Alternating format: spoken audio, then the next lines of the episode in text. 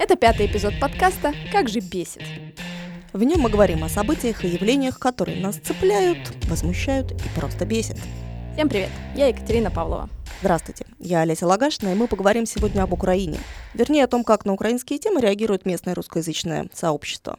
На этой неделе, как вы все знаете, Эстонию посетил президент Украины Владимир Зеленский. И зачем он тут нужен? В каком смысле? Я объясню. Просто именно такой вопрос, и зачем он тут нужен, задавался в Фейсбуке под новостями, что к нам едет президент Украины. Совершенно дико. Правда, еще были всякие шуточки по поводу того, что он едет к нам на работу. И мне это кажется совершенно ненормальным, что люди так озлобились. Теперь каждый раз, когда где-то возникает прилагательный украинский, у всех начинается холивар и приступ какой-то непонятной злобы.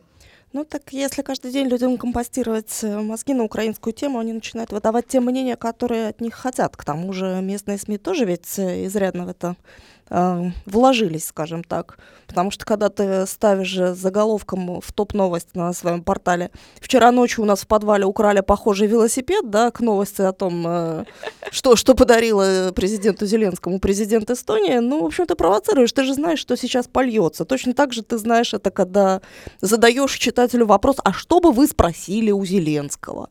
Ну, мы все знаем, что могут ответить наши читатели, зачем их лишний раз об этом спрашивать. Это твоя функция как журналиста, ты занимаешься здесь новостями, просвещением, не очень понятно, информируешь население или ты просто трафик себе наращиваешь. Разве со словом «русский» не было так?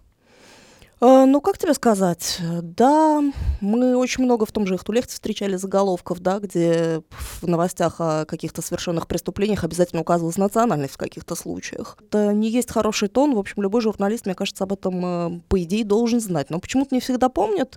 А почему не помнят, но я думаю, ты как редактор онлайна поддаешь себе отчет, что когда у тебя в заголовке звучит национальность очень конкретно, это в какой-то мере помогает тебе сработать дешево и сердито, увеличить э, трафик. Поэтому некоторые журналисты, даже если они знают, что национальность в принципе нехорошо, в заголовке указывают, что вообще нехорошо стебаться над национальностью. Ну, некрасиво это.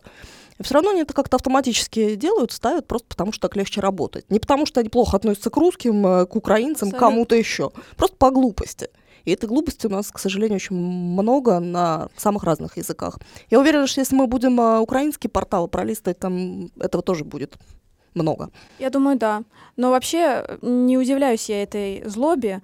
Ну вот чему удивляться, если у нас по всем каналам, которые смотрят местные русскоязычные, льется одна пропаганда. Кремлевская.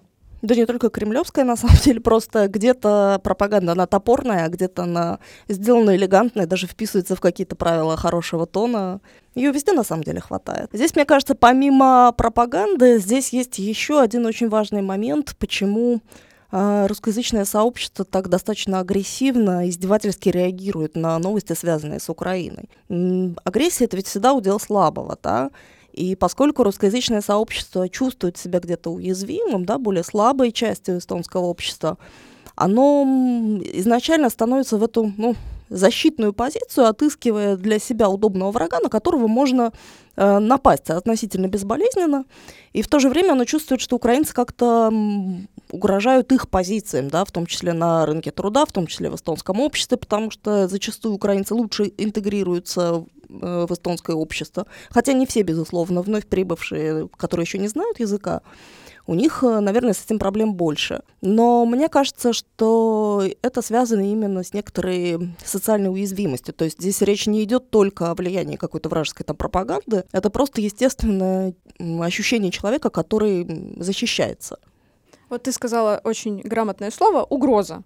Какая угроза? Как вообще можно в 21 веке говорить об угрозе в таком контексте? То есть э, вы хотите сказать, что боитесь, что придет украинец и заберет у вас хлеб? Серьезно, вы называете это угрозой? Ну, в каких-то случаях это может представлять угрозу. Там э, спроси русскоязычного строителя, чувствует ли он угрозу в демпингующих украинцах или нет. Я думаю, что ответ будет достаточно очевиден. Блин, да, на самом деле соглашусь с этим, как бы пока что журналистам украинцы не угрожают вроде как. Пока. Может быть, поэтому... Пока язык не выучили. Но просто в Фейсбуке я вижу постоянно всякие объявления, типа «ищу работу, сниму квартиру». И если у пользователя при этом написано там украинское имя и фамилия, да, там Александр, например, то в комментах начинается сразу холивар, и постоянно звучат одни и те же фразы. «Валите домой», «Понаехали тут» э, и прочий маразм. Вот, например, Артем Дудченко, член украинского землячества Эстонии, следил за реакцией соцмедиа на визит Зеленского, и он сравнил реакцию русскоязычных и украиноязычных жителей Эстонии. Давай послушаем.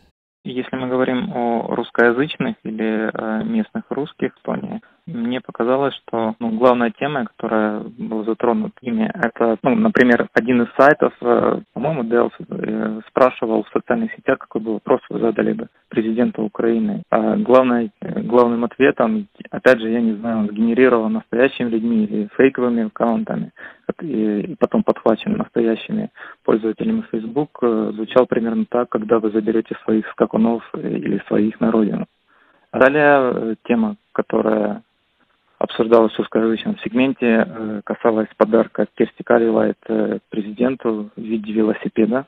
Как мне показалось, если, допустим, для украинской части Сталина эта тема достаточно было понятно, почему именно велосипед и почему он был подарен президенту Зеленскому, то я заметил, что русскоязычная или русская часть Facebook-сегмента не совсем поняла это, не, не увязали его с контекстом избрания Зеленского в качестве президента Украины, который, в принципе, сначала показал в своем сериале «Слуга народа», что он будет виртуальным президентом, который будет приезжать на велосипеде э, в э, офис президента, а потом уже непосредственно во время предвыборной кампании он декларировал, что не против бы ездить на работу на велосипеде ну, что в конечном счете не стало реальностью, и он также использует э, обычный президентский кортеж для того, чтобы добраться в офис президента.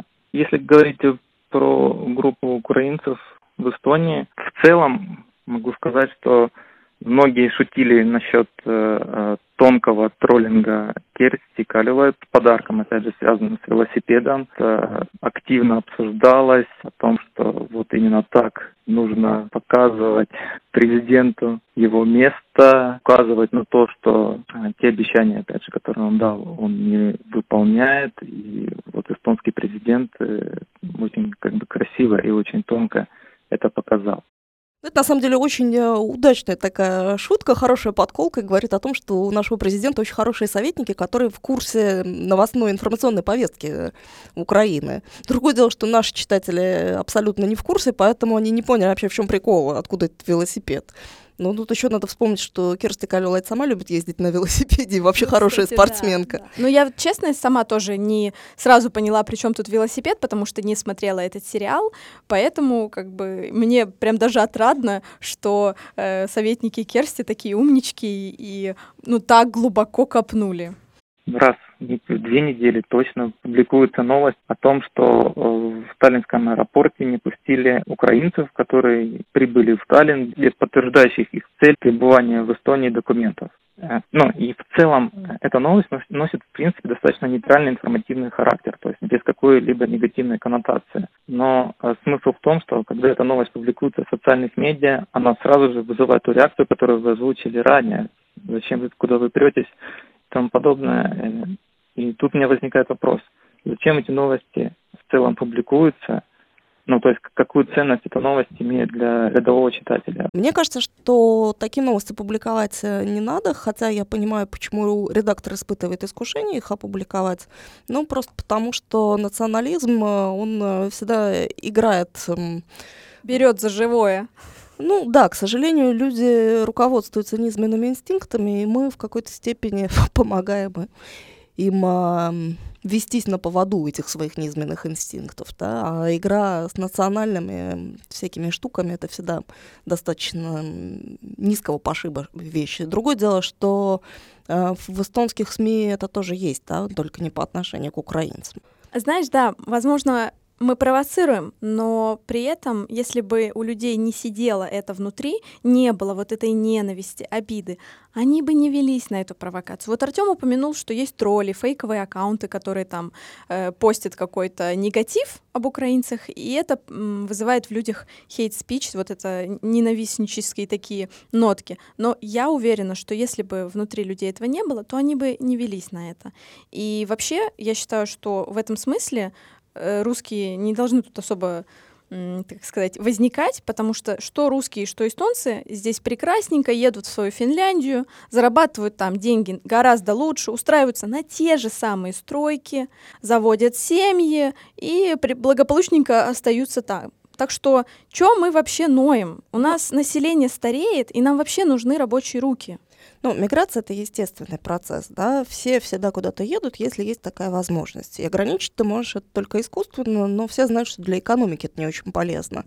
У нас, кстати, на днях проходила новость, э, что более половины молодых э, россиян в возрасте от 18 до 24 лет хотели бы переехать за границу на постоянное место жительства. И это, кстати, рекордный показатель за последние 10 лет.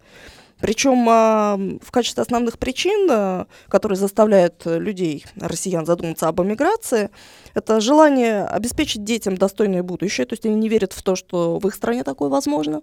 На втором месте, по-моему, называлась экономическая ситуация в России, на третьем а, качество здравоохранения, которых не удовлетворяет, и на следующем а, шла политическая ситуация в РФ, которая, которой молодежь российская тоже недовольна.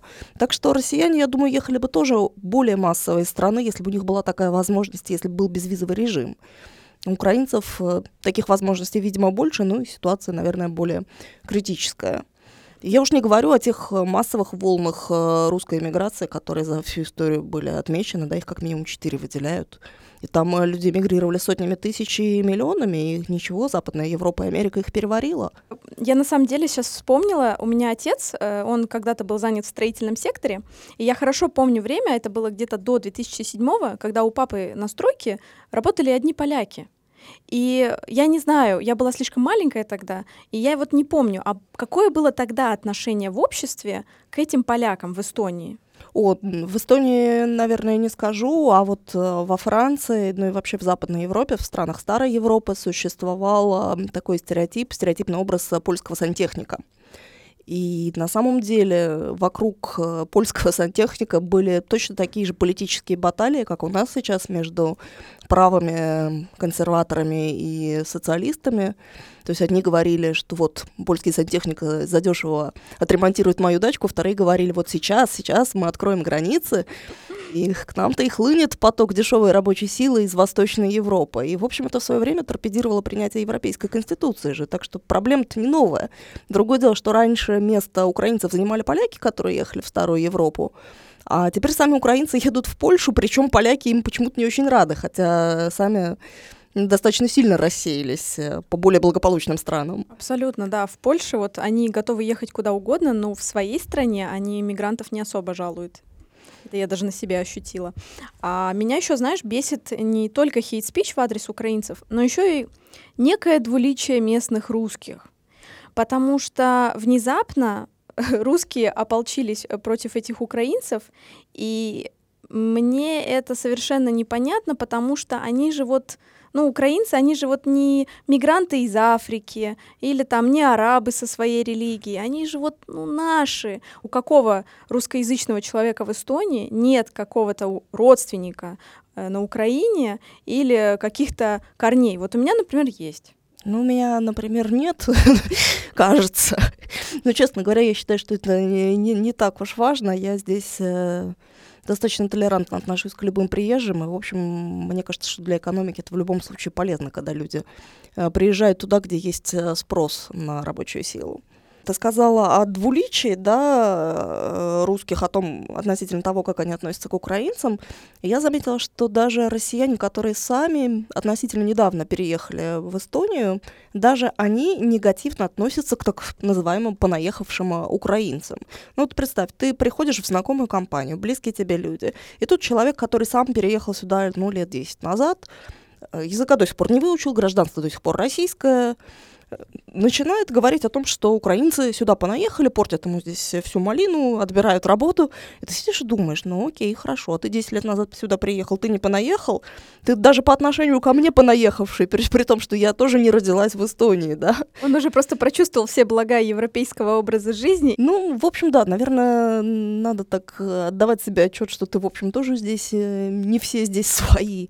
И, наверное, как-то толерантнее надо к этому относиться. Мы с тобой, правда, уже говорили о толерантности в этой студии.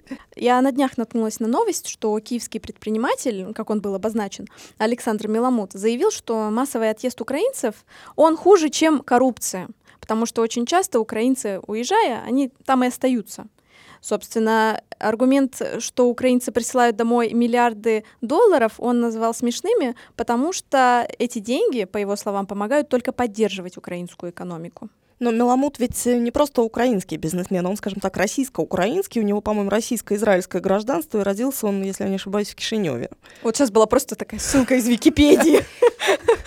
Меламут достаточно известный персонаж, да, в городе Киеве. Но семья у него тоже, кстати, в Москве живет. И вообще, если ты пороешься, кто цитирует господина Меламуда, в основном это все-таки российские источники, причем такие, ну, скорее, прокремлевские, чем э, либерально-оппозиционные. Поэтому... Теперь ты знаешь, что я читаю. Никому этого не говори. Ну, в общем, э, на самом деле, я здесь с ним категорически не согласна. Я считаю, что Трудовая миграция — это абсолютно естественная вещь, но, правда, мы с тобой хотели больше поговорить о господине Зеленском и его визите сюда.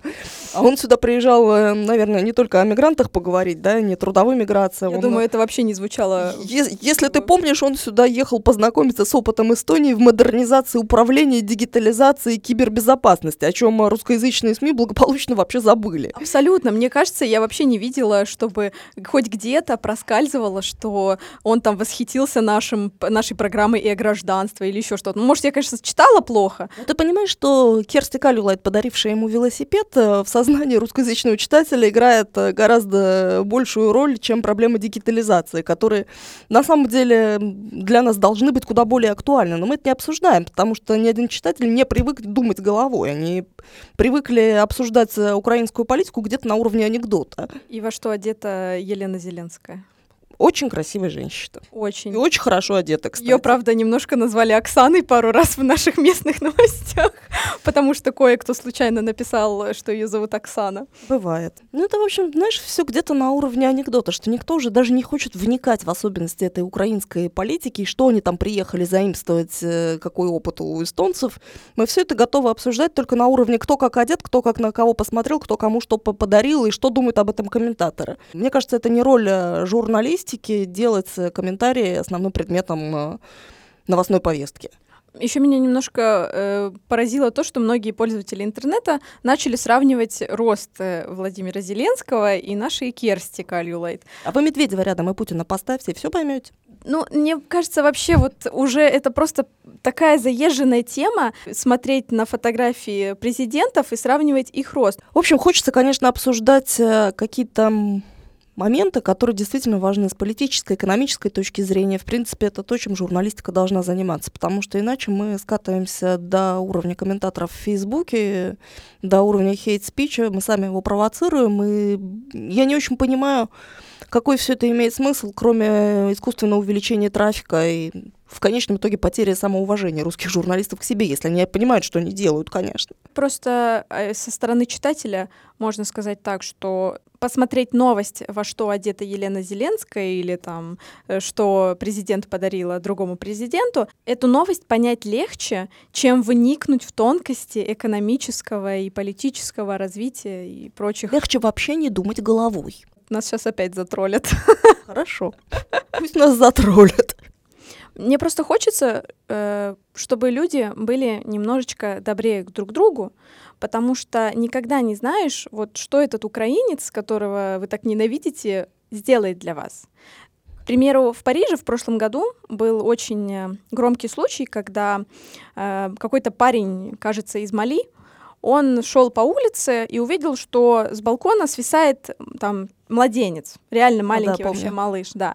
И он залез буквально там что-то за считанные секунды, э, взобрался по балконам наверх и спас этого ребенка. Ему потом даже гражданство дали французское за героизм.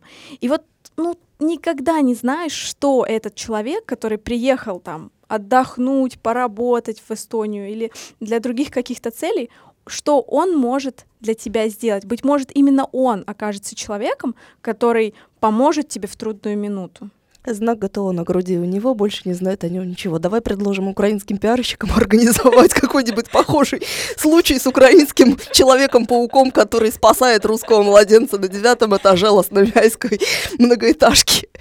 Может быть, сработает. Но, правда, я тоже за то, чтобы быть добрее к друг другу и, в общем, заниматься немножко делом, а не обсуждать эм, подробности того, кто выше, кто ниже, у кого нос длинный, Да. кто у кого что украл. Спасибо, что слушали нас. Подписывайтесь и пишите нам на венасобачкапостимес.е или оставляйте комментарии, что раздражает вас. Будем беситься вместе.